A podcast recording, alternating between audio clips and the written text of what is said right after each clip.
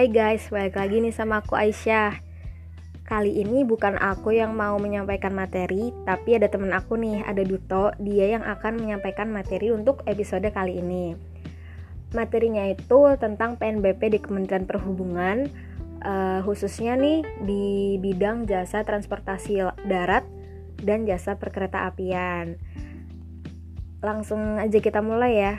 Shh Dengarkan sambil rebahan karena kalian mendengarkan and we talk. Oh iya disclaimer nih.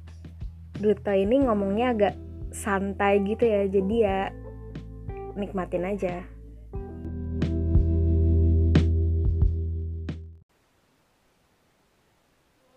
Jasa transportasi darat dan juga jasa transportasi perkereta apian. Jadi perlu digarisbawahi di sini adalah dalam hal ini kereta api itu bukan transportasi darat pada umumnya. Namun transportasi darat di sini bukan berarti seluruh transportasi yang ada di darat, di darat karena terdapat jasa-jasa atau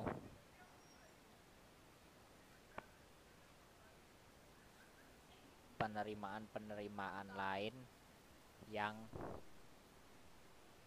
tidak berasal dari jasa yang berada di daratan saja. Oke langsung masuk aja yang pertama. Jadi jasa transportasi darat itu dibagi menjadi 6, 6 jenis jasa penerimaan. Yang pertama itu jasa pelabuhan penyeberangan lintas dalam negeri. Jadi di sini maksudnya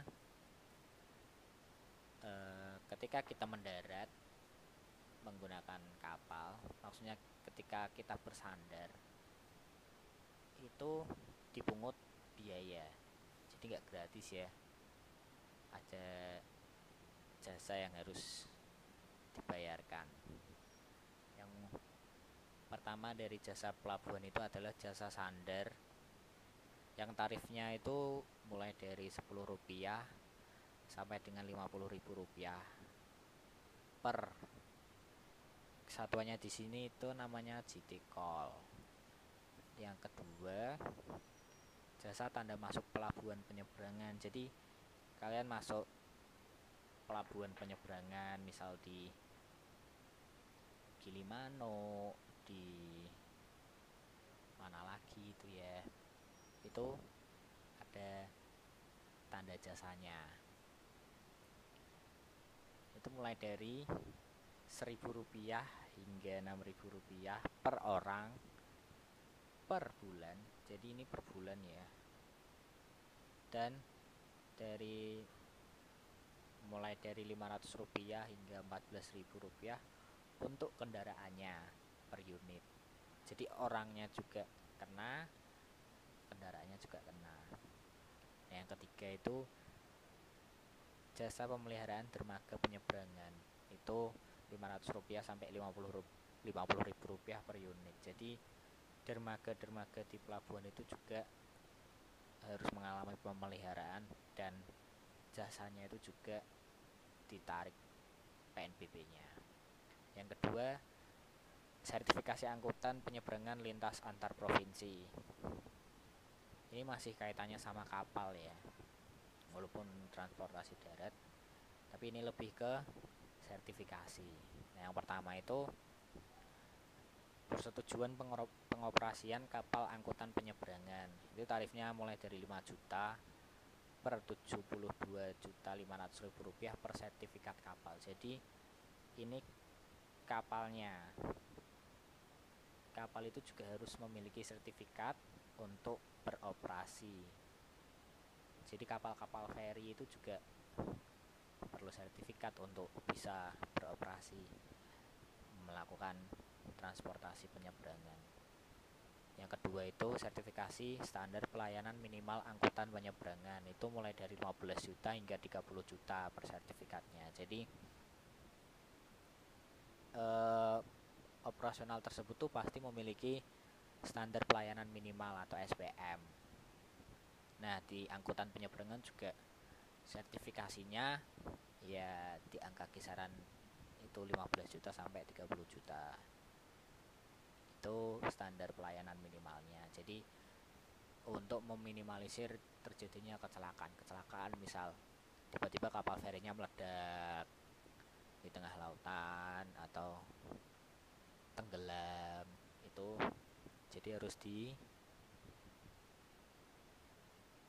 sertifikasi biar ter, terjadinya hal-hal tersebut bisa diminimalisir. Nah, yang kedua, yang ketiga itu pengujian kendaraan bermotor. Nah ini mulai di darat beneran. Ini udah kaitannya sama daratan. Nah, ini cuma satu. Itu pengujian kendaraan bermotor di pelandasan sampel kendaraan dan sampel landasan dengan tarif Rp430.000 sampai Rp14.250.000 per sekali uji. Jadi uh, uji emisi uji sampel kendaraan itu pengujiannya di kisaran harga tersebut jasanya. Karena ya nggak semua orang punya keahlian untuk menguji hal-hal tersebut. Jadi hal-hal itu dialihkan dan menjadi tanggung jawabnya Kemenhub nah itu tarik jasanya sejumlah nominal tersebut yang keempat jasa angkutan jalan. Ini kaitannya sama angkot atau angkutan kota kalau orang-orang bilang dan angkudes angkutan desa. Itu ya semacam angkot tapi di desa gitu. Ini yang pertama itu izin penyelenggaraan angkutan dalam maupun luar trayek. Jadi uh, semisal kita semisal di rumah kita tuh nggak ada jalur angkot. Nah kita boleh mengajukan jalur angkot itu namanya jalur trayek. Tapi ada tarifnya tarifnya itu 1 juta sampai 5 juta per izin. Tapi itu biasanya yang mengurus itu para uh, organda-organda angkot jadi angkot itu ada perkumpulannya terus mereka berorganisasi dan mereka berhubungan sama Kemenhub atau Dishub lebih tepatnya di daerah-daerah dan mereka meminta izin kepada Dishub dan atau atau Kemenhub secara umum itu untuk membuat trayek jalan. Jadi nanti misal ada di misal kalau di Depok trayek Margonda ke mana gitu atau mungkin di Bintaro eh, pondok dari Pondok Cabe sampai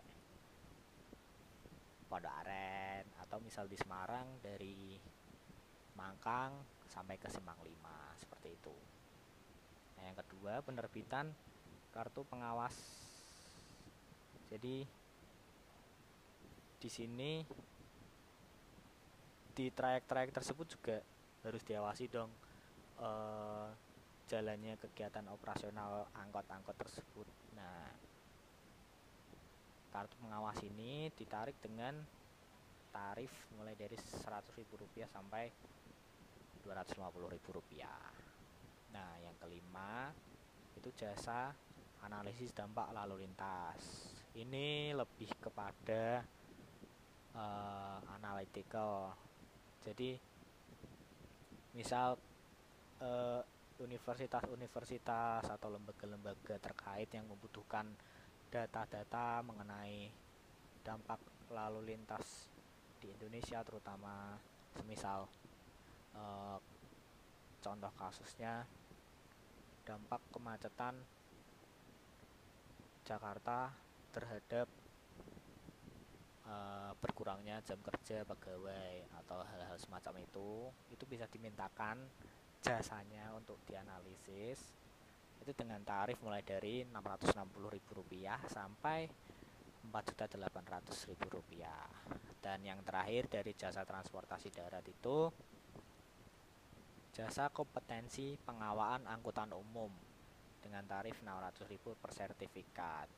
Jadi ini awak angkutan umum. Kalau eh, bahasa lebih umumnya mungkin semisal contohnya kernet bus atau supir bus atau supir angkot atau supir truk tapi supir truk gak termasuk angkutan umum sih.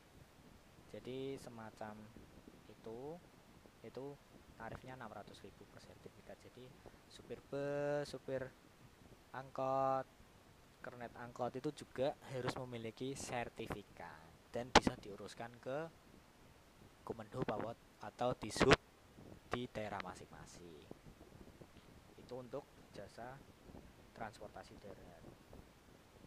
Selanjutnya untuk jasa transportasi perkereta apian. Ini lebih fokus kepada kereta api saja karena memang ya secara gamblang kereta api berbeda jalur dengan transportasi darat pada umumnya. Yang pertama dari sertifikat yang pertama dari jasa transportasi perkereta apian itu ya yaitu adalah sertifikat sumber daya manusia perkereta apian.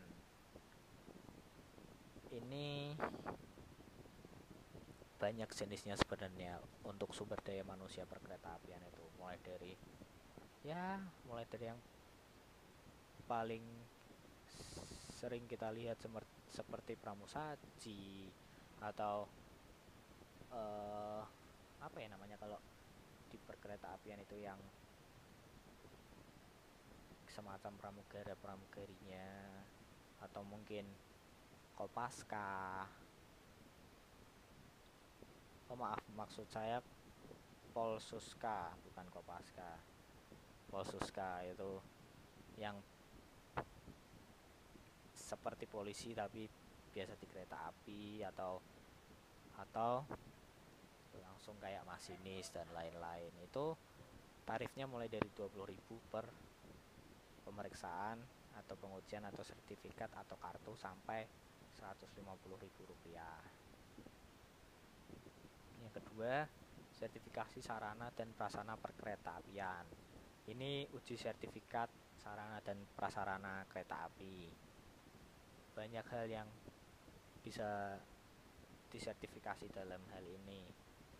Kalau sarana mungkin lebih ke tempat dan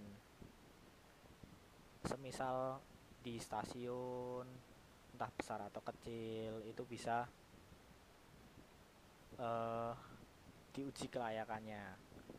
Dan prasarana prasarana yang ada di tempat itu harus diuji juga untuk memaksimalkan pelayanan perkereta apian yang ada. Itu mulai dari Rp25.000 sampai 20 juta rupiah per sekali uji per stasiun per meter persegi sekali uji. Jadi memang lebih ke tempatnya lebih ke tempat yang ada di stasiun tersebut. Semisal kayak adanya Indomaret atau Alfamart di tempat itu itu diuji kelayakannya. Itu tapi ukurannya per meter persegi sekali uji. Gitu. Termasuk juga pengujian kereta. Kereta juga diuji kelayakannya karena itu juga termasuk sarana utama dalam berkereta apian. Dan yang ketiga jasa pelayanan penerbitan izin bidang perkereta apian. Ini tarifnya mulai 48 juta hingga 100 juta per izin per penetapan. Jadi yang dimaksud di sini adalah perizinan badan usaha sampai izin operasi perkereta apian khusus. Semisal contoh kasusnya yang baru-baru ini adalah PT uh, kereta api bandara di Soekarno Hatta itu kan trayek jalur keretanya itu mulai dari Manggarai kalau nggak salah Manggarai sampai ke Soekarno Hatta. Nah, uh, perlu izin dong pasti. Nah, uh, dan tidak harus yang mengelola PT Kereta Api Indonesia atau PT KAI. Dan pada faktanya juga yang mengelola trayek kereta api Soekarno Hatta hingga Manggarai itu bukan KAI kalau sepengetahuan saya. Itu dikelola oleh PT Raja Wali apa begitu aku lupa, maaf lupa itu juga badan usaha tersendiri dan mereka juga memiliki izin operasi tersendiri. Atau kereta api kereta api khusus semisal LRT, MRT, eh, komuter lain. Komuter lain itu juga dikelola oleh PT Komuter Lain Indonesia bukan PT KAI langsung yang mengoperasikannya. PT KAI di sini sebagai uh, pengawas. Gitu. Yang keempat, jasa pelayanan peralatan perkereta apian yang dikelola oleh Kementerian Perhubungan. Itu terkait dengan jasa pelayanan ya. Jadi peralatan-peralatan kereta api yang diperlukan yang dikelola oleh Kementerian Perhubungan itu diberikan pelayanannya pelayanannya, pelayanannya kepada eh, badan usaha badan usaha yang mengelola jasa kereta api tersebut misal seperti PT Komuter Line, PT MRT Jakarta, LRT dan lain-lain. Itu jasanya mulai dari 100.000 sampai 149.500.000 per unit per hari. Jadi per unit pelayanan tersebut bisa dikenai tarif hingga hampir 150 juta per harinya. Dan yang kelima, penggunaan sarana perkereta apian milik negara itu mulai dari 240 ribu hingga 3.520 ribu per unit per harinya jadi sarana perkereta apian semisal kereta sendiri atau stasiun atau tempat-tempat yang ada di dalam stasiun tersebut misal eh, peron atau atau apalah. Nah itu itu bisa digunakan tapi dikenai tarif mulai dari 240.000 sampai 3.520.000 rupiah sesuai dengan apa yang akan digunakan. Dan yang terakhir pelayanan persetujuan spesifikasi teknis sarana perkereta apian. Tarifnya itu 28.500.000 rupiah sampai 36 juta 400 ribu rupiah per tipe per persetujuan jadi uh, bisa nih untuk melakukan persetujuan terhadap tipe-tipe spesifikasi teknis sarana perkereta apian. Begitu. Terima kasih untuk episode kali ini